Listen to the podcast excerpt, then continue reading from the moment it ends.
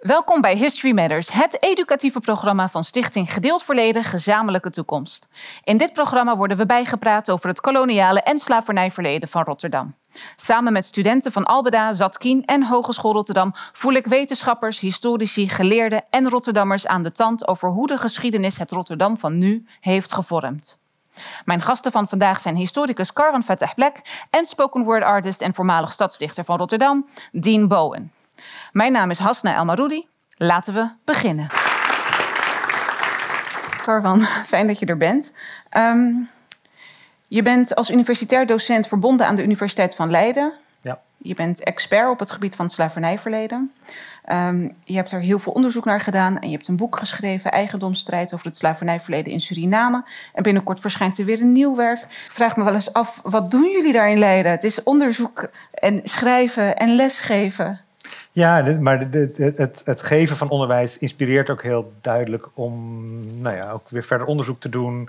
Omdat je steeds raakt aan de grenzen van wat we weten. Mhm. En denkt van ja, hoe, hoe kunnen we hier voorbij? Wat voor onderzoek kunnen we verder nog doen? En de vragen die studenten stellen, uh, ja, inspireren ook om, om dat dus voor ons op te gaan schrijven. En uh, ja. uh, zo, zo houden we elkaar bezig. Ja. En we hebben je gevraagd om een college voor te bereiden over de morele verantwoording van het koloniale project. Carvan, mag ik je uitnodigen om te gaan staan en je verhaal te houden. Dames en heren, mag ik een warm applaus voor Carwan Vette Black.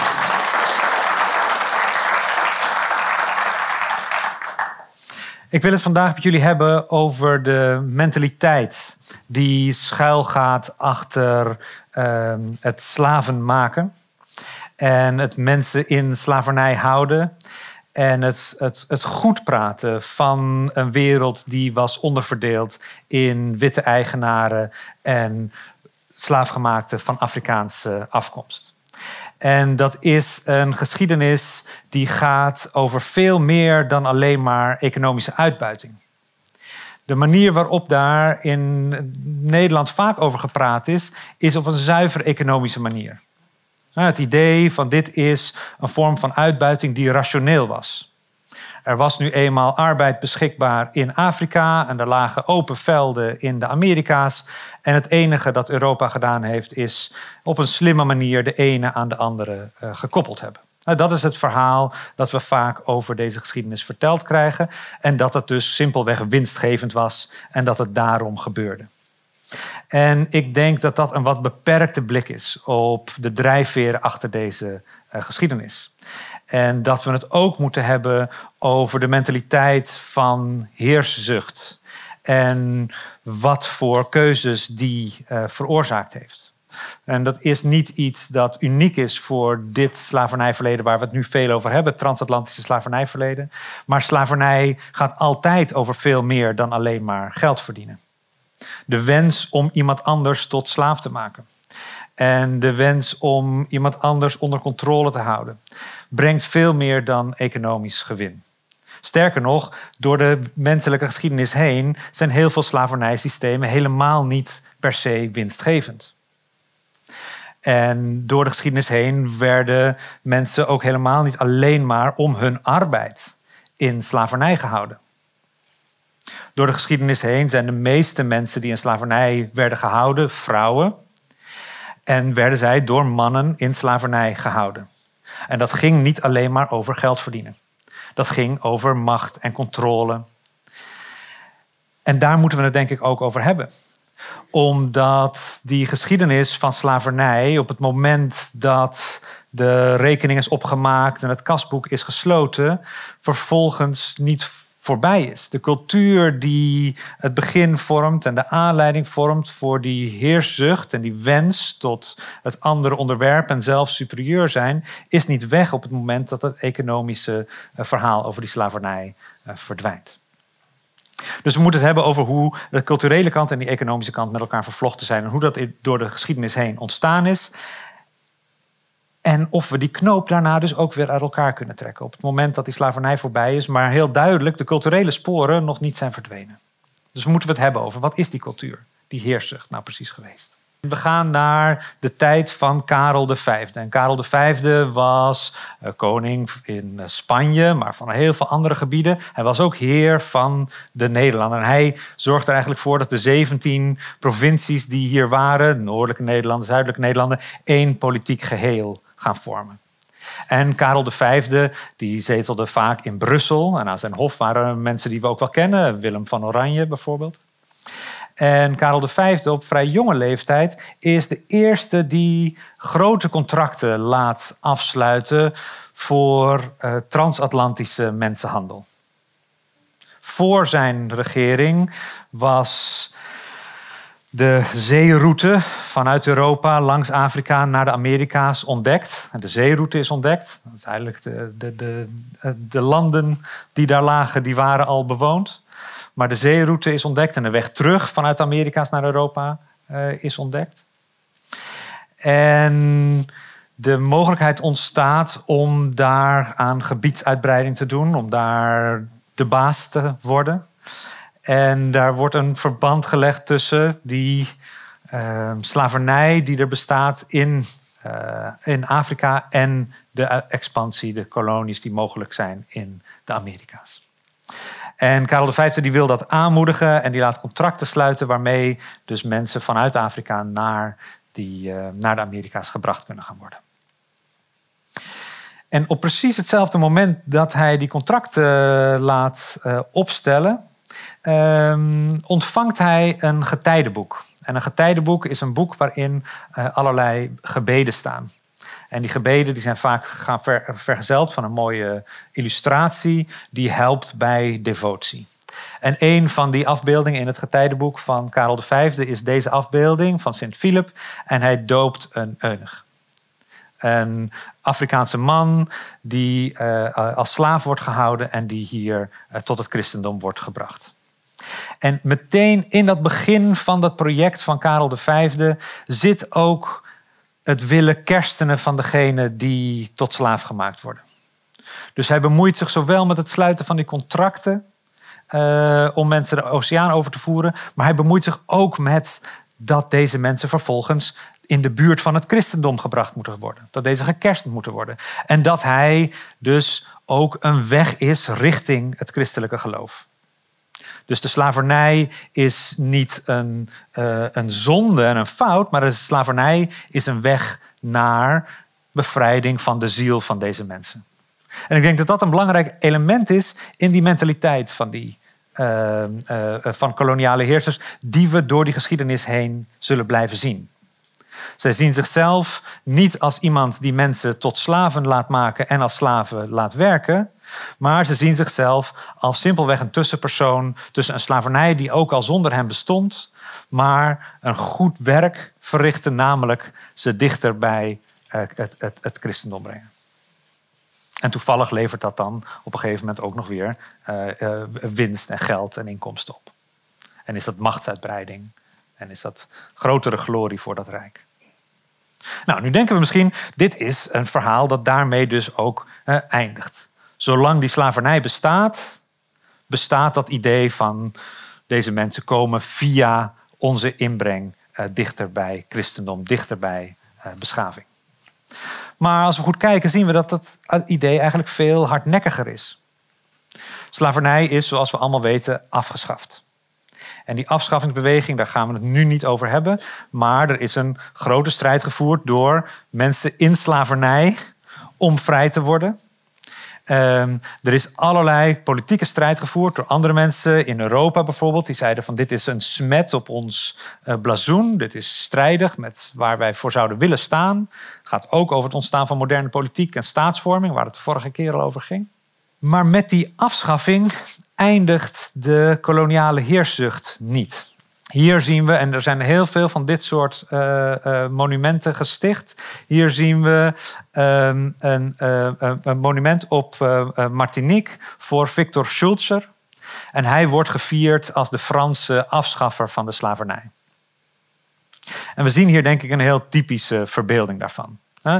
Hier zien we een witte man, een Europese man, en hij leidt een kind van Afrikaanse afkomst naar de vrijheid. We hebben zo'nzelfde soort van afbeelding van Abraham Lincoln.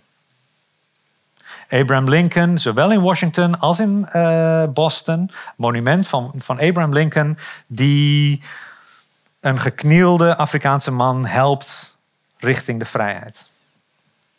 Het beeld van Lincoln is nog wel cynischer dan het beeld dat we hier zien, omdat de Afrikaanse man die daar geknield was, Archibald Alexander is. Een man die zichzelf bevrijd heeft uit het zuiden van de Verenigde Staten, die weggevlucht is uit slavernij, vervolgens de troepen van het noorden heeft gewaarschuwd voor een hinderlaag die er lag. Um, en na zijn, uh, na zijn zelfbevochten vrijlating dus gemonumentaliseerd wordt als een geknielde man die door Abraham Lincoln naar de vrijheid geholpen wordt.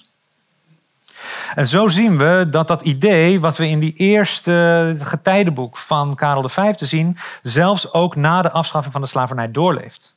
Namelijk dat deze witte man het de weg is naar de vrijheid, naar de beschaving, naar het christendom dus de afschaffing van de slavernij wordt nog verbeeld op diezelfde manier als het brengen van beschaving. Deze afbeelding is gemaakt twee, bijna drie decennia na het afschaffen van de slavernij. Deze afbeelding is lang nadat de slavernij is afgeschaft geproduceerd. Om wat te doen? Om de koloniën te verbeelden. Om te laten zien, dit is West-Indië, Bijna naakte mensen, hardwerkend, onderdanig, blij om kennis te ontvangen. Aan de andere kant Oost-Indië, uh, loyale prinsen die zorgen dat de goederen worden aangevoerd. Maar hier zien we datzelfde beeld, nog steeds, na die afschaffing van die slavernij. Er is een superioriteit en er is een weg naar de beschaving. Er is slavernij, er is onderdanigheid. Zwarte mensen zijn primitief, maar kunnen dankzij deze interventie wel uh, naar een hoger niveau worden gebracht. En op die manier zien we, denk ik, de hardnekkigheid van die beelden die, die ontstaan zijn in de, in de tijd van slavernij en de manier waarop ze gereproduceerd zijn. Het spijt me dat ik in een lezing als deze die beelden nog een keer moet, moet reproduceren, maar ik denk dat het helpt om te begrijpen waar precies het probleem zit in de manier waarop we denken en praten over het slavernijverleden. Dank u.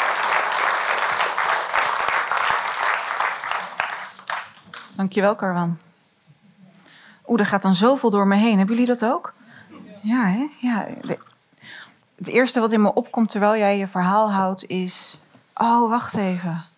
Onze normen en waarden. Mhm. Bijvoorbeeld. Ja. Ja. Ja, ja. ja. En het leidt dus ook tot het... Ehm, altijd maar ontkennen van een soort vrijheidsdrang onder mensen die uh, slaafgemaakt waren, die vochten voor een beter eh, bestaan. Mhm. Eh, dat, dat verdwijnt altijd uit dat verhaal. Dat past niet, dat kan niet. Wat is er gebeurd in de hoofden van de mensen dat ze het toch wisten goed te praten? Misschien ook wel met de Bijbel in de hand. Ja, nou, ik denk, ik, ik, ik denk dat, we, dat, dat het heel moeilijk is om te zeggen van ja, iedereen, iedereen dacht nu eenmaal zo. Uh, dit was heel vanzelfsprekend, omdat we simpelweg in een enorm ongelijke samenleving, met een enorm ongelijke samenleving te maken hebben. Dus we weten van de mensen die uh, de macht hadden dat ze hier niet heel erg uh, moeilijk over deden. En dat is dus ook de grens van de kennis die we daarover hebben.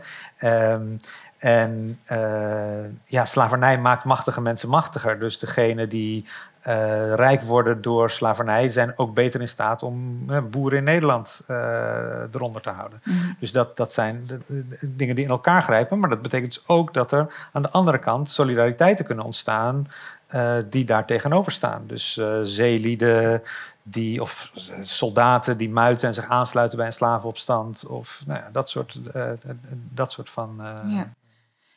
We hebben het in de vorige aflevering ook al een beetje gehad over die, die rechtvaardiging. Hè? Uh, maar ook naar hoe werkt dat dan door in het heden? En in hoeverre zie jij dat die morele rechtvaardiging uh, van mensenhandel toch ook wel een bepaalde doorwerking, doorwerking heeft in het racisme-debat van, van tegenwoordig? Ja, ja nou, je merkt het heel duidelijk op het moment dat mensen het gevoel krijgen uh, aangevallen te worden als je het hebt over deze geschiedenis. En uh, ik hoor heel vaak uh, mensen zeggen van ja, maar ik, ik, ik ben toch niet schuldig. toch? Dus, dus je, je begint te praten over deze geschiedenis en de, en de eerste reactie is: ja, maar ik ben, ik ben niet schuldig. En, en ik vraag me dan af, ik, soms kom ik ook wel eens, uh, dan ben ik thuis en dan kom ik beneden en dan zeggen mijn kinderen: ik heb niks gedaan. toch? En dat, Oeh, da, als mijn dochter dus, dat zegt. Nou, dan is er toch iets gebeurd. Ja. En, maar, maar, maar, dus dus als, als de reactie is alleen maar meteen is: ik ben niet schuldig. Terwijl, terwijl als, als ik lees en kijk wat ook gemeenschap van nazaten, wat er precies gevraagd wordt: van, mogen we een monument? Kunnen we de deel maken van een Nederlandse geschiedenis? Dat soort van issues. Um, dat je het een issue noemt. Ja, maar, maar, maar dan, dan, dan, dan, dan zit er dus blijkbaar iets waarom mensen zich dan dus wel aangesproken voelen. Dat moeten we denk ik serieus nemen. Maar dat moeten we dus ook echt serieus nemen. Nou, ehm, over die, die ehm, geschiedenis en hoe men, men terugkijkt op de Gouden Eeuw, maar ook op de VOC. Ehm, daarover hebben we Open Rotterdam gevraagd of zij de straat op wilde gaan om aan de Rotterdammer te vragen.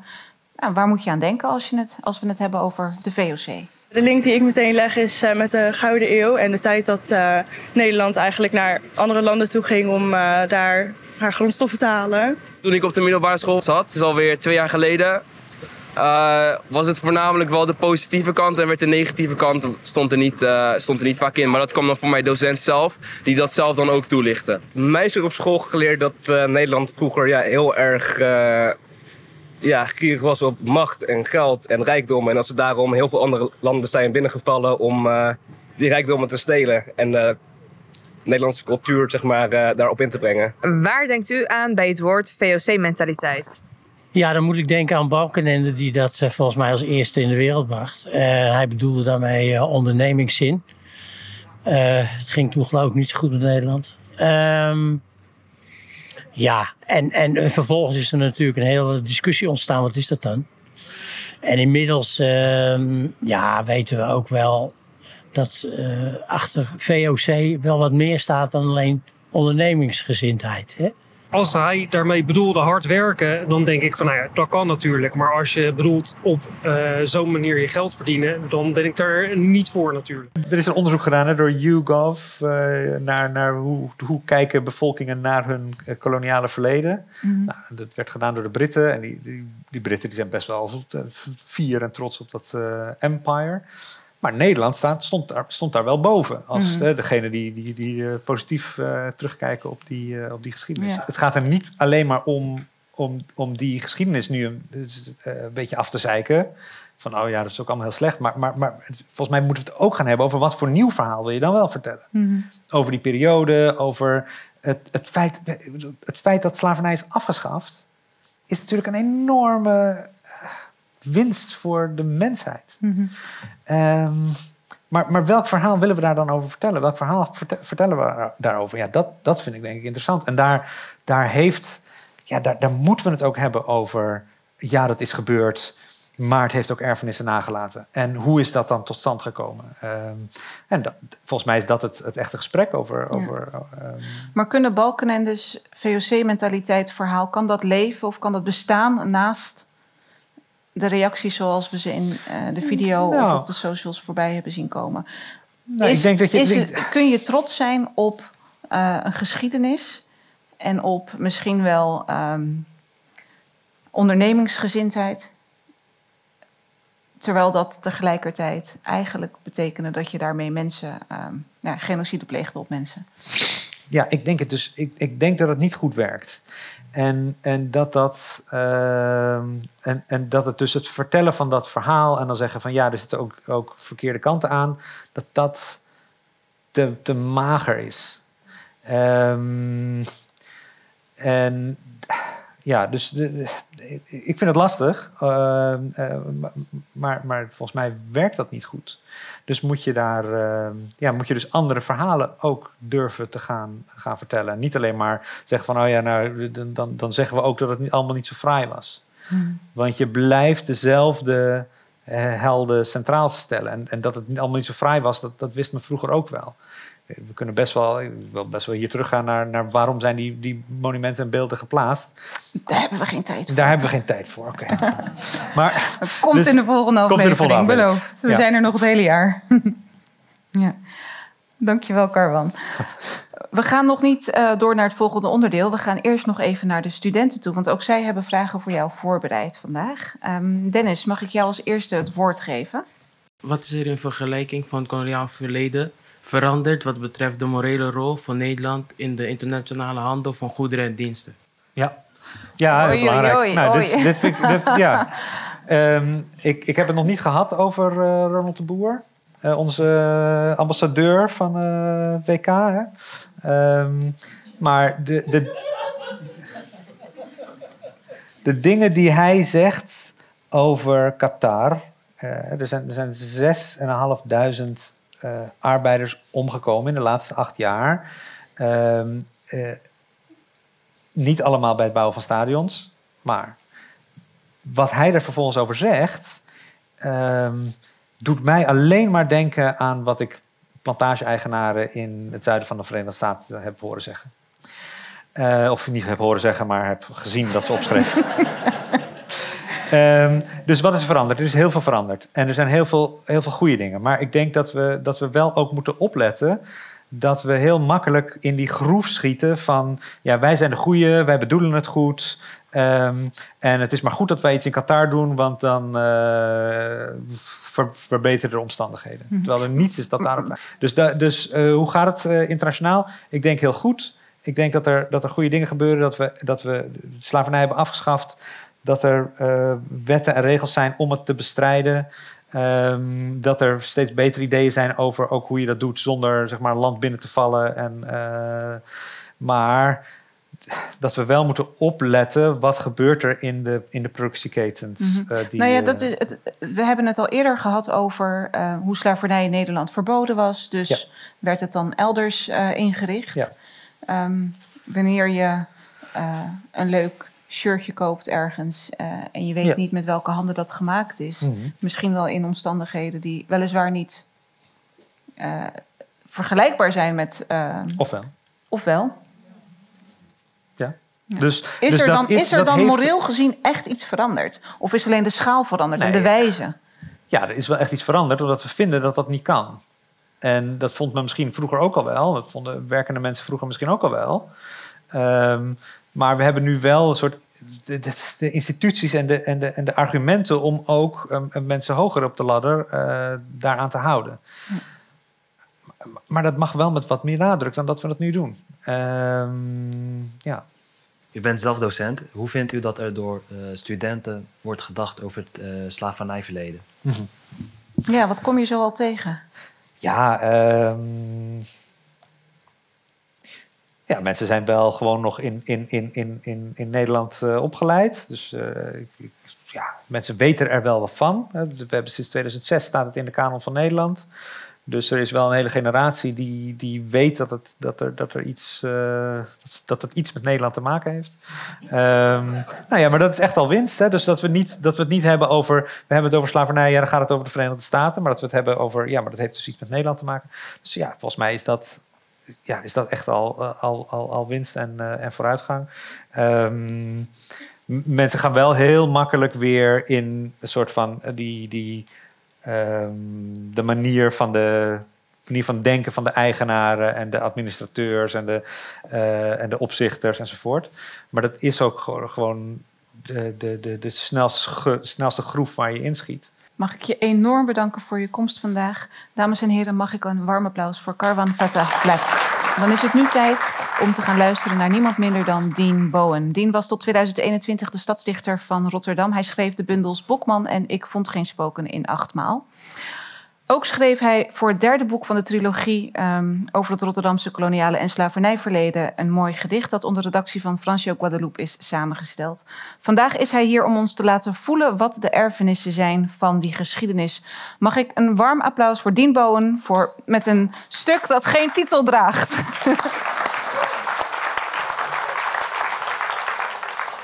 Wat in het water wat in het water, kinderen, wat in het water.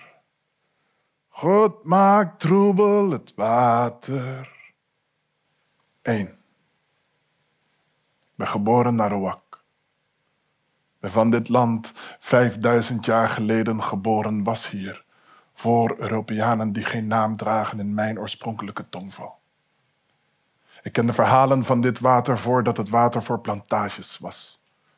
De ziel van mijn volk.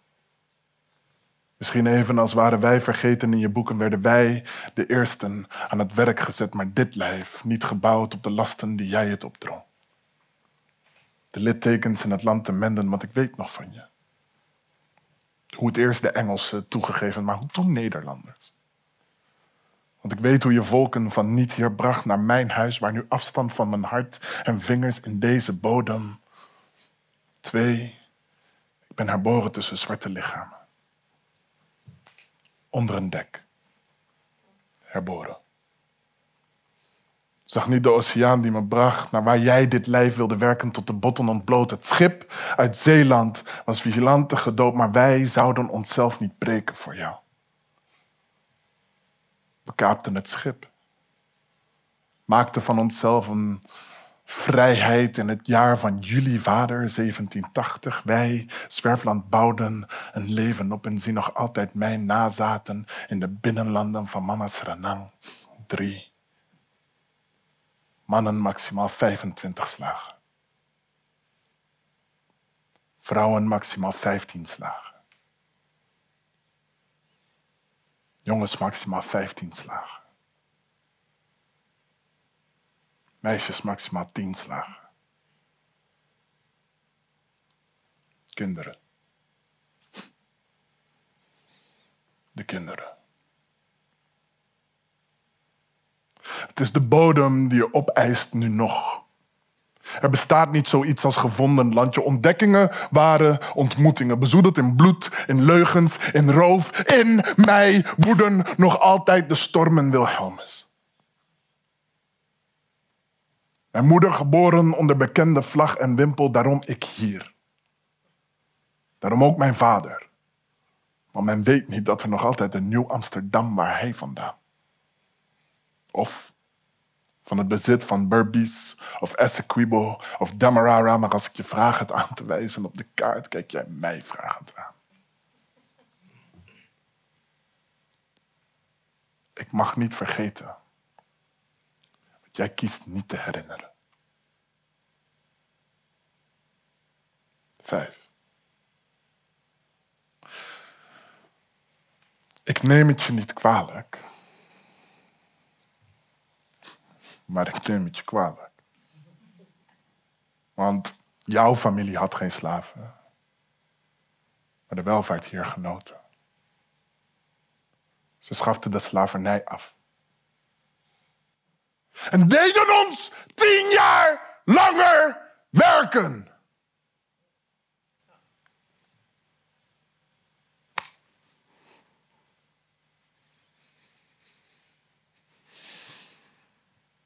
Zo lang geleden. Maar ik zie het vereeuwigd in je straat en in je standbeelden. Doet er niet meer toe, toch? Maar wij dragen nog altijd jullie namen. Zo ben ik geboren, Dean Andrew Jake Bowen, zoon van ook Nederlandse bodem. En ik weet waarom. En jullie nu ook.